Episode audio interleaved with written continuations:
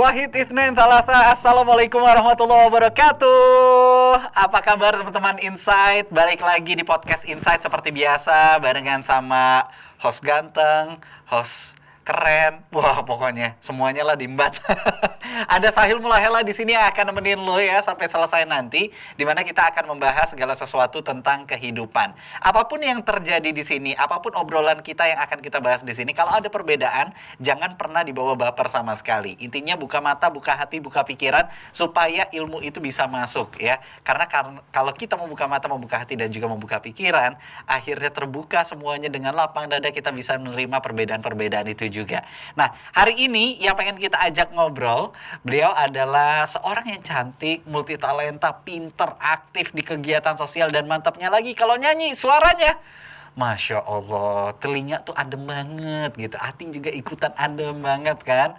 Nah, daripada kelamaan langsung aja kita sapa. Ini dia ada Ciki Fauzi. Halo Mas Ail. Assalamualaikum. Waalaikumsalam. Sehat? Alhamdulillah insya Allah sehat. Wah, selalu semangat ya kalau lihat kamu ya. Waduh. eh, apa Iya. kabar sekarang lagi sibuk Alhamdulillah. apa? Macem-macem lagi sibuk jualan online sebenarnya. Oh, jualan online Sama sekarang ya? tetap eh, ini apa eh, nyicil rekaman Hah? buat album kedua sama S2. Oh, sekarang S2 juga. Iya. S2-nya apa sih kamu? Eh, ngambil manajemen. Oh manajemen, Iya, mm. oke oke oke. Nah Mbak Ciki ini kan tumbuh besar di keluarga yang bisa dibilang super entertain. Wah, kayak Iya. gimana tuh super entertain? Ya kita tahu semua lah, ayahnya juga kan, luar biasa kan. Nah akhirnya eh, boleh nggak sih diceritain juga sama Mbak Ciki gitu kan, gimana sih cara didik dari seorang ayahnya kepada Mbak Ciki sendiri sebagai seorang rock legend juga gitu Waduh. kan? Kalau di rumah biasa aja sih, nggak ada legend-legend ya. Tapi emang ayah yang baik banget. Uh, Ah, Dan ayah yang jadi sahabat kita banget sih, gitu. Cara ngedidiknya gimana ya? Kayaknya sama aja kayak orang lain, Mas. Enggak, maksudnya enggak kayak yang kayak nggak ada. Ya kan biasanya orang tuh punya style sendiri dalam mendidik Oke, gitu kan. uh-uh. Kayak ada yang dia tuh deket banget sama anaknya, jadi temen banget atau emang dia ada yang memposisikan diri sebagai orang tua banget. Nah, kalau Om Ikang Fauzi sendiri tuh seperti apa gitu loh. Kalau ayah tuh bisa menempatkan diri lah. Jadi ayah tuh bisa sangat memposisikan dirinya sebagai sahabat anak-anaknya. Hmm, hmm. Eh, tapi ya tetap kita sangat hormati sebagai orang tua. Jadi Oke. bukan sahabat yang kita melewati batas juga. Iya, iya, Karena iya. aku ngelihat kayak oh kemarin juga em, sempat ayah diundang jadi sebuah eh, apa surprise guest star gitu Ah, ya waktu aku sama kakakku diundang ke sebuah station TV. Nah terus ditanya Ah. eh, kenapa ayah begitu gitu ke anak-anak ya ke banyak orang juga simple jawaban ayah kayak I have so much love gitu aja gitu Ah, ah. jadi menurut aku ya karena cinta ayah tuh banyak banget Hmm. jadinya ya emang mengekspresikannya seperti itu jadi kita nyaman sebagai sahabat tapi ternyata kalau misalnya kita bener-bener sayang sama orang ya Hmm. kita itu nggak pengen bikin sesuatu yang terlalu uh, merepotkan orang tua kita dengan dosa-dosa yang kita lakukan kasarnya kayak Hmm, gitu hmm, hmm. itu yang aku sama kakakku ngerasa karena misalnya kita sayang sama orang tua banget jadi kita tuh jadi anak nggak nakal-nakal banget karena Hmm. Oke. kayak nggak mau ngebebanin orang tua gitu Iya benar benar benar. Jadi- kayak punya per- perasaan bersalah gitu kan. Iya gitu. Jadi kayak menurut aku cara positioningnya tuh Iya mungkin salah satu parenting yang bagus banget ya gitu Ah. memposisikan sebagai sahabat, Ah. memberikan kasih sayang dan ketika anak itu benar sayang nggak akan melakukan sesuatu hal yang benar di luar batas gitu. Nah, ini yang menarik juga nih. Ketika orang tua memposisikan dirinya sebagai seorang sahabat untuk anaknya. Iya. Nah, kan kita tahu layaknya kita sama sahabat itu kan seperti apa gitu. Iya. Nah, kalau sahabatan sama orang tua tuh kayak gimana sih? tetap nggak kayak sama temen ya Hah. pasti ada beberapa yang kita nggak cerita apa dan lain sebagainya Oh, juga jadi lah. ada yang kamu tutupin pastinya juga? ada atau- lah tapi bukan hal-hal yang penting sebenarnya yang Ah. aku tutupin ya kayak emang ya aku memilih yang ini kayaknya nggak penting juga deh aku cerita ke ayah atau ke ibu gitu Oke.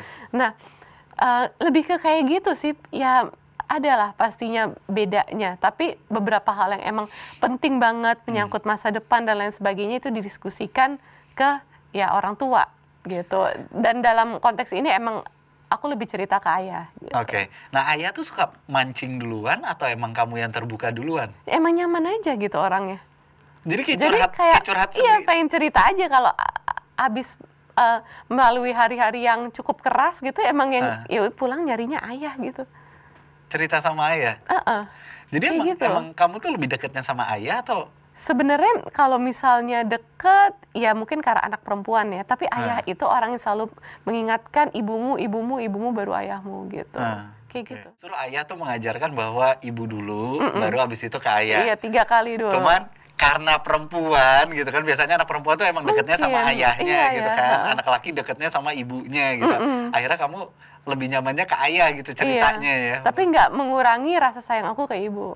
Oh iya dong, Mm-mm. wajib dong Iya, gitu. Nah, aku penasaran juga sebenarnya. Masalah pendidikan agama, masalah pendidikan agama Oh, di makanya ini ada buku-buku gitu. Iya. kayak tadi aku bingung ini acara podcast kasual banget tapi kayak wow kitab-kitab gitu.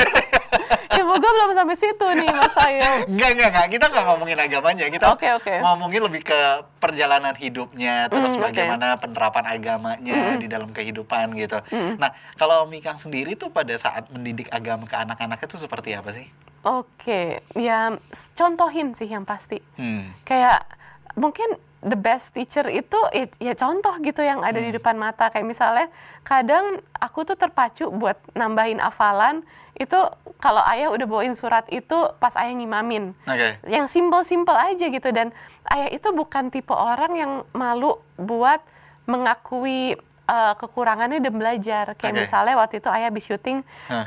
um, apa negeri lima menara ya jadi ustadz yang Hmm. di Gontor itu ayah lalu ya udah ayah jadi hatam Quran uh, dan uh, jadi nambah hafalan gitu Hmm. dan jadi belajar baca Quran lagi gitu. Tapi Oke. ayah tidak malu mengakui itu bahwa udah umur segitu ayah baru belajar lagi nak gitu. Hmm. Dan eh, itu yang bikin kita jadi ayah nih manusia juga ya Iya, dan iya, konsepnya ya sama aja kayak sahabat yang saling mengingatkan gitu. Jadi kalau lagi sholat imaman, terus ayah membaca satu surat gitu iya kan. aku jadi pengen ngafalin. Jadi pengen ngafalin. Iya, surat yang simple-simple gitu kayak misalnya Kayak Al-Baqarah. al- enggak sih. itu panjang banget. Ayah kok nggak kelar-kelar ya gitu. kayak Al-Insyirah, Atin gitu Iya, iya, iya, dengan iya. suara ayah yang sangat rocker serak-serak kalau misalnya ngimamin tuh enak banget semua temen aku tuh suka Oh ya? kalau ayah ngimamin. Kalau misalnya ke rumah, weh Om Ika ngimamin, kita ikut sholat bareng gitu. Ada beberapa teman-teman yang nggak biasanya sholat jadi sholat juga. Cuma karena pengen diimamin sama Mikang Iya mungkin gitu. nggak cuman sih, mungkin sungkan juga ya. Cuma uh, sekalian aja lah itu Om Ikang lagi sholat gitu. Oke. Kamu bisa ni- niruin gak sih suara ayah? Eh, susah sih, itu kayaknya ayah doang deh yang karakternya seperti itu ya. Eh, tapi ayah Emang tenggorokannya udah gitu. galak gak sih dalam dalam Ayah mendidik enggak. agama? Eh, em, kalau soal agama yang saklek iya sih. Hmm. Yang saklek, Contoh? eh, ayah tuh bisa jadi bete banget kalau aku sama kakak telat bangun subuh. Nah, oke. Gitu, Jadi hampir tiap pagi tuh ayah yang bangunin kita. Kayak kita ada rencana kita harus bangun di pagi dari ayah gitu, tapi Hmm. eh, nggak tahu kenapa ayah selalu kayak bapak-bapak yang bangun paling pagi ya. Kayak Beneran. jadi kayak yang buka-bukain pintu, Eh. apa lampu itu kayak ayah gitu kan kita sempoyongan sempoyongan gitu. Oh, iya, iya, iya. Dan iya ayah biasanya ngetok bangun subuh gitu. Oke, jadi pokoknya diawali dengan bangun subuh ya. Kalau dari bangun subuh aja ternyata Ciki udah telat, Iya. itu ayah bisa bete tuh. Eh, ya ya ayah kasih pemahaman sih tapi mukanya bete gitu gitu ya oke ya lebih ke dari dari nggak mau bikin ayah bete Eh. jadi menjalani perintah Allah Oke. banyaknya kayak gitu iya, sih Iya, benar, benar. Berarti kan untuk kebaikan juga Iya, kan? iya, kan jalur-jalur orang dapat hidayah itu suka beda-beda Iya ya. benar benar. Nah kalau Ciki sendiri tuh suka nggak sih hafalan tuh kayak diminta sama ayah, Ciki sini coba hafalan ini Enggak, dulu gitu. enggak sih, enggak. Kamu di dikasih guru ngaji atau gimana? Dulu waktu kecil ya. Hmm, Tapi kalau sekarang lebih ke nyari sendiri sih. Iya karena udah karena udah sadar. iya, Udah, seperti cari teman-teman yang satu liko apa dan lain sebagainya gitu. hmm, oke. Kayak gitu. Iya, tapi kalau yang ngaji bener-bener waktu kecil aja. Tapi ayah sampai sekarang masih ngontrol terus masalah pendidikan agamanya. Enggak sih, kasual banget. Udah udah santai banget gitu ya. Kasual banget Iya gitu. karena anak-anaknya juga udah udah pada bertanggung jawab Iya, gitu insya kan. Allah ya. Iya kan, jadi udah- Semoga sih, karena kadang imam im- iman tuh kayak listrik naik turun. Iya bener. Jadi kayak, ya kadang kalau udah terlalu gimana gitu, cari lingkungan yang bisa menarik kita kembali. Gitu sih yang gua ngerasa. Oke. Nah, boleh nggak sih diceritain sedikit sebenarnya pahit manisnya jadi anak seorang rocker tuh seperti apa sih? Pahit manis sih, gak kita tahu. kita Ih, manis penasaran aja sih. gitu loh. Itu semua point of view aja ya. Jadi kayak pahit manisnya, mungkin manisnya aja ya sama kayak orang tua lainnya lah. Gue Ah. ngeliat banyak perjuangan orang tua gue supaya bisa memberikan pendidikan yang terbaik buat anak-anaknya, kehidupan yang terbaik dan lain sebagainya. Dan menurut gue itu manis perjuangan orang tua. Nggak ada gitu. nggak ada perbedaannya sama sekali gitu. Iya, heeh, pahitnya sih nggak gue inget. ya udahlah. Jadi lebih ke manis-manisnya aja yang Iya. diingat gitu ya. Oke, nah dari Om Ikang sendiri itu kan mengalir darah seni ya. Nah, kalau ke Ciki sendiri itu memang turunan atau Ciki akhirnya baru menemukan di saat-saat Ciki dewasa gitu loh. Emang sukanya sih. Emang sukanya? Ah, ah, emang suka banget berseni. Kenapa? Ya suka aja happy. Nggak ada alasan tertentu gitu? Enggak, kayak emang suka aja. Tapi kan seni kan banyak banget kan. Heeh. Seni tuh ah, ya ada seni rupa lah dan segala macamnya. Kenapa yang kamu ambil jalan yang sekarang gitu loh? Jalan sekarang tuh apa? Yang sekarang kamu nyanyi gitu kan? Iya, salah satunya. Ah, Tapi sal- seni rupa juga. Seni rupa juga. Kayak misalnya gue sekarang bikin brand kecil-kecilan nih, Cikigo gitu ya. Ah, ah. Eh, itu semuanya gue gambar sendiri. Kayak misalnya ini baju. Terus Oke. kemarin gue bikin jaket jeans belakangnya gue gambar dari quote Rumi yang gue dapet banget pas kemarin liputan Muslim Traveler ke Turki gitu. Oh yang yang ini dikasih ke Habib Hussein bukan? Iya. Iya yang kemarin dikasih ke. Jadi waktu itu kan sempat ketemu Habib Hussein kan, Ah. terus ngobrol-ngobrol. Jadi eh, dulu gue pernah bikin Monso House gitu kayak start animation company sama temennya Ah. Habib Hussein. Ah. Eh, nah terus pas ketemu lagi udah jadi Habib tuh lucu gitu. udah jadi. kayak dulu pas main ke Monso Dia tuh udah dua kayak kali loh ke sini. iya. Iya udah dua dan, kali. Dan iya udah pas ngobrol terus eh, Habib Hussein juga cerita tentang quote Rumi dan lain sebagainya. Ah. Terus Bib, gue tuh mulai usaha nyambung hidup nih pas pandemi. Gue jadi belajar jadi bikin-bikin jaket, Ah. baju dan sebagainya. Eh, saya kirim ya Bib ya gitu. Oke. Terus ya udah gue kirim. Terus Habib Hussein ngepost, Ah. terus ada temen juga Kalis Mardiasi ngepost, terus ada Katia Arestia ngepost. Ah. Tiba-tiba eh, nggak sampai satu hari ludes itu. Ludes. Dan sekarang ada berapa puluh yang PO gitu, tapi aku gue batasin karena buat eksklusivitas gitu Iya ya. iya iya. Ya gitu kayak padahal dari kemarin tuh gue jualan tuh cukup susah karena kan purchase power orang juga lagi, Lagi turun, nurun. ya.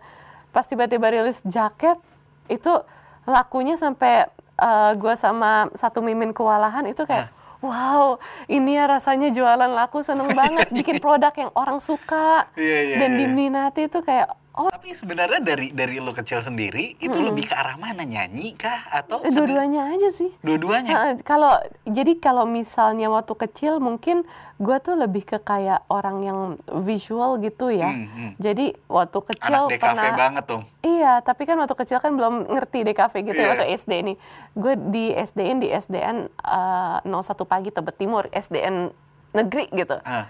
Tapi menurut guru ya gue kayak kurang perform aja. Ah. Tapi orang tua gue tuh kayak enggak kok anak saya bisa perform tapi mungkin eh, ya mak- maksudnya cara mengajar em, di SDN yang dulu kan kalau SDN negeri eh, yang gua ngelihat waktu gua kecil tuh satu arah banget ya. Hmm. Dan mungkin gue tipe anak yang nggak bisa terlalu satu arah gitu. Oke. Mesti harus ada activity yang melibatkan visual, auditory dan lain sebagainya. Ah. Akhirnya ibu tuh bener-bener sampai jual, jual per- perhiasan dan lain sebagainya buat mindahin gue ke sekolah Global Jaya di Bintaro. Kita sampai Oke. pindah rumah satu keluarga sampai sekarang kita tinggal di situ. Gak, jadi gara-gara sekolah itu Iya, awalnya. uh-uh. dan ya buat memberikan pendidikan yang terbaik buat anaknya. Tapi emang ayah ibu waktu itu cerita terbuka ini emang mahal banget ini sekolah sanggupnya sampai kelas 6 SD aja kamu sama kakak kamu abis Oke. itu sekolah biasa aja bahkan SMA negeri SMA 6 bener-bener yang yang negeri lagi gitu. Haha. Tapi buat masa-masa SD aku ngelihat perjuangan ayah ibuku tuh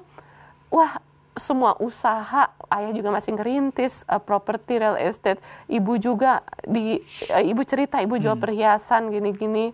Buat bisa nyekolahin kamu sama kakak kamu di SD terbaik yang cara mengajarnya nih lebih sesuai buat kamu. Karena ayah ibu yakin an- ayah an- anak-anak ayah ibu nih bukan yang kayak terbelakang gitu. Cuma mungkin Iya. cara mengajarnya itu kurang sesuai. Mhm. dan kayak uh, terakhir kan emang gue suka ikut teman-teman yang bergerak di ruang berbagi ilmu ya. Iya. Kita ke daerah-daerah itu kayak gerakan turunannya Indonesia mengajar gitu. Hmm. Dan gue jadi paham nih masa kecil gue kenapa kayak gitu karena emang gue orangnya mungkin visual banget Iya, gitu. iya, oke. Dan emang kecerdasan tiap anak tuh beda-beda. Cara anak menyimpan informasi ke long term memory itu alurnya tuh beda-beda dan harus mengaktifkan si amigdalanya ini si otak kecil supaya happy Mm. pada saat menerima pengajaran dan ketika happy itu jadi lebih mudah masuk ke long term memory gitu. Iya, jadi lebih mudah dia simpan gitu. Iya kan? dan pas saat SD tuh emang penting banget untuk diperjuangkan memberikan pendidikan terbaik buat anak karena itu pada saat semua yang di diri anak tuh terbentuk. Jadi apa Jadi I owe a lot ke ayah ibu sih. yang lo yang Pendidikan lebih ke ibu yang perjuangin banget tuh gue tahu. yang bisa lo ambil nih hikmahnya dari perjuangan mindahin sekolah itu tuh apa yang bisa ditarik kesimpulannya? Percaya sama anak. Dipercayain sama eh, anak maksudnya gitu ya. pelajaran yang bisa gue ambil mungkin itu bisa gue jadikan pelajaran kalau gue punya anak nanti Hah. adalah percaya sama anak. Setiap anak itu cerdas menurut bidangnya masing-masing. Hmm, Karena itu yang ayah ibu gue lakukan ke gue gitu. Oke, observasinya gimana tuh supaya kita tahu oh si anak tuh sukanya begini, Ini sukanya jadi begitu. sahabat anak-anaknya. Karena Oke. gue juga kurang ngerti ya, gue belum punya anak gitu, Ah. jadi nggak tahu parentingnya kayak gimana. Aha. Tapi ya mungkin ya ya berkegiatan bareng anak ya. Hmm. Dan eh, ya dari hal-hal kecil mungkin jadi kelihatan nih anak nih ahlinya ke mana, bidang apa gitu dan lain sebagainya. Jadi ya mungkin bisa dilihat ya, gue belum tahu, gue nggak ada ilmu parenting sama sekali. Oke, tapi kan akhirnya dari sini kan lo menyadari bahwa tadi tadi lo bilang sendiri bahwa cara anak untuk menyimpan ke long term memorinya dia itu kan caranya berbeda-beda. Nah terus gimana ceritanya kalau misalkan nanti pada saat lo sekarang mengajar gitu kan ya banyak tempat lo mengajar ke daerah-daerah segala macam lo melihat ada pendidikan yang salah nih yang di- diberikan sama orang tuanya misalkan kayak dipaksain banget nih anaknya. Apa yang lo lakukan?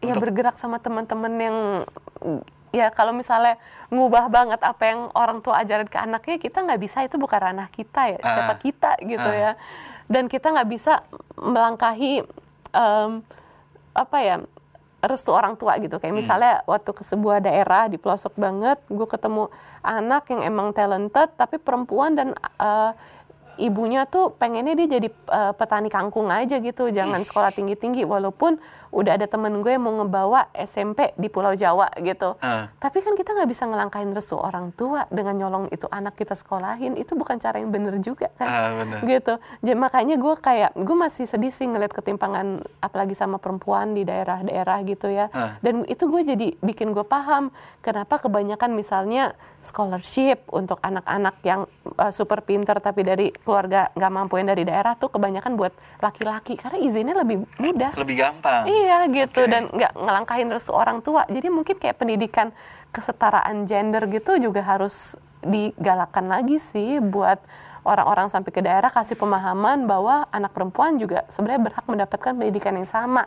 Dan kalau mereka punya pendidikan yang semakin proper, pinter, itu dampaknya juga bisa memperbaiki ekonomi uh, keluarga kok walaupun nggak Oke. secara instan nggak Iya, yang iya, langsung iya. jadi petani kangkung dijual kangkungnya dapat income uh, uang gitu langsung nggak seinstan itu tapi dengan pendidikan tuh bisa ngubah um, kehidupan keluarganya yang kayak gitu gitu Oke, tapi pernah nggak sih sampai di satu titik yang kayaknya lu merasa, wah gue kayaknya harus ngobrol nih sama orang tuanya nih Ya, kalau ngobrol nih. sih sering sih ngobrol itu, gitu, iya itu kayak biasa hal yang biasa dilakukan aja mengarahkan maksudnya, bu anak ibu tuh pelan-pelan aja tapi nggak yang bener-bener bu anak ibu gini-gini Ah. kita itu bukan ranah kita. Tapi kalau ngobrol tuh udah emang itu yang kayak gue lihat teman-teman gue yang bergerak di gerakan yang sama itu lakukan gitu. Dan gue kayak banyak lihat oh teman-teman gue gini oh gue juga ajak ngobrol lah yang kayak gitu-gitu. Terus responnya mereka tuh gimana? ya nggak bisa langsung eh, mengikuti Nerima, lah dan nerima gitu. Tapi ya emang yang kayak nggak bisa keras juga sih Ah. gitu kita juga kadang nggak nggak karena kita nggak hidup di sana gitu Ah, kita ah. nggak bener-bener nggak tahu apa yang masalah yang bener-bener mereka hadapin di depan mata seperti ditagih tengkulak apa dan lain Mhm. sebagainya kan kita nggak setahu itu ya Iya. dan jangan jadi sok tahu juga Ah. jadi yang bisa dilakukan ya dengan cara ngobrol kayak heart to heart gitu Oke, nah ini kan dunia yang sebenarnya fun gitu ya, dunia kita mengajar, kita ketemu sama banyak orang, Hmm. Iya. ya kan. Tapi di satu sisi bahwa ada satu ilmu atau satu aturan yang bisa Hmm. kita tanamkan ke si Hmm. orang ini bahwa yuk kita bisa loh seperti ini. Nah itu kan bukan proses yang gampang, itu juga proses yang susah gitu kan ya. Mm-mm. Nah jadi selama lo mengajar Mm-mm. saat ini, momen apa sih yang paling berkesan? Wah, banyak banget sih. Tapi sebenarnya ya, to be honest, gue bukan yang pengajar serius Iya, gitu. iya, iya, iya. Bahkan gue kalau bawa-bawa materi tuh lebih ke kayak metode belajar kreatif, Ah. brain based teaching gitu, yang juga berdasarkan pengalaman-pengalaman gue waktu kecil. Kayak nggak semua orang, nggak semua anak tuh bener-bener bisa menyerap eh, cara mengajar yang searah. Bahkan sampai sekarang gue kuliah S2 nih, Aha. Terlalu searah dan online, gue tuh kayak nggak masuk. Bete ya? iya nggak masuk nih. Mana ngomongnya kayak eh, finansial keuangan perbankan. Karena gue ngambil kuliahnya kan di eh, apa di sekolah perbankan. Walaupun fok- fokusnya ke manajemen, Manajemen. gitu ya. Em, tapi kayak wah itu tuh susah gitu. Sampai gue belajar lagi sama temen sekelas gue. Untungnya kayak S2 tuh nggak bersaing. Orang tuh lebih mengutamakan relasi kayak beda banget sama kayak sekolah-sekolah gitu Ah. ternyata S2 tuh orang-orang udah dewasa dan yang nggak bersaing tapi malah kayak menggandeng ayo Ciki kamu bisa gini-gini Oh jadi banyak supportnya juga? Iya, jadi gue kayak iya teman-teman sekelas gue bapak-bapak, orang bang, Nah. ibu-ibu, tapi malah jadi kayak ngajarin gue banyak gitu. Nah itu berimpact nggak ke apa yang lo lakukan sekarang nih? Eh, yang cukup. lagi serius ini? Wow, berimpact banget sih.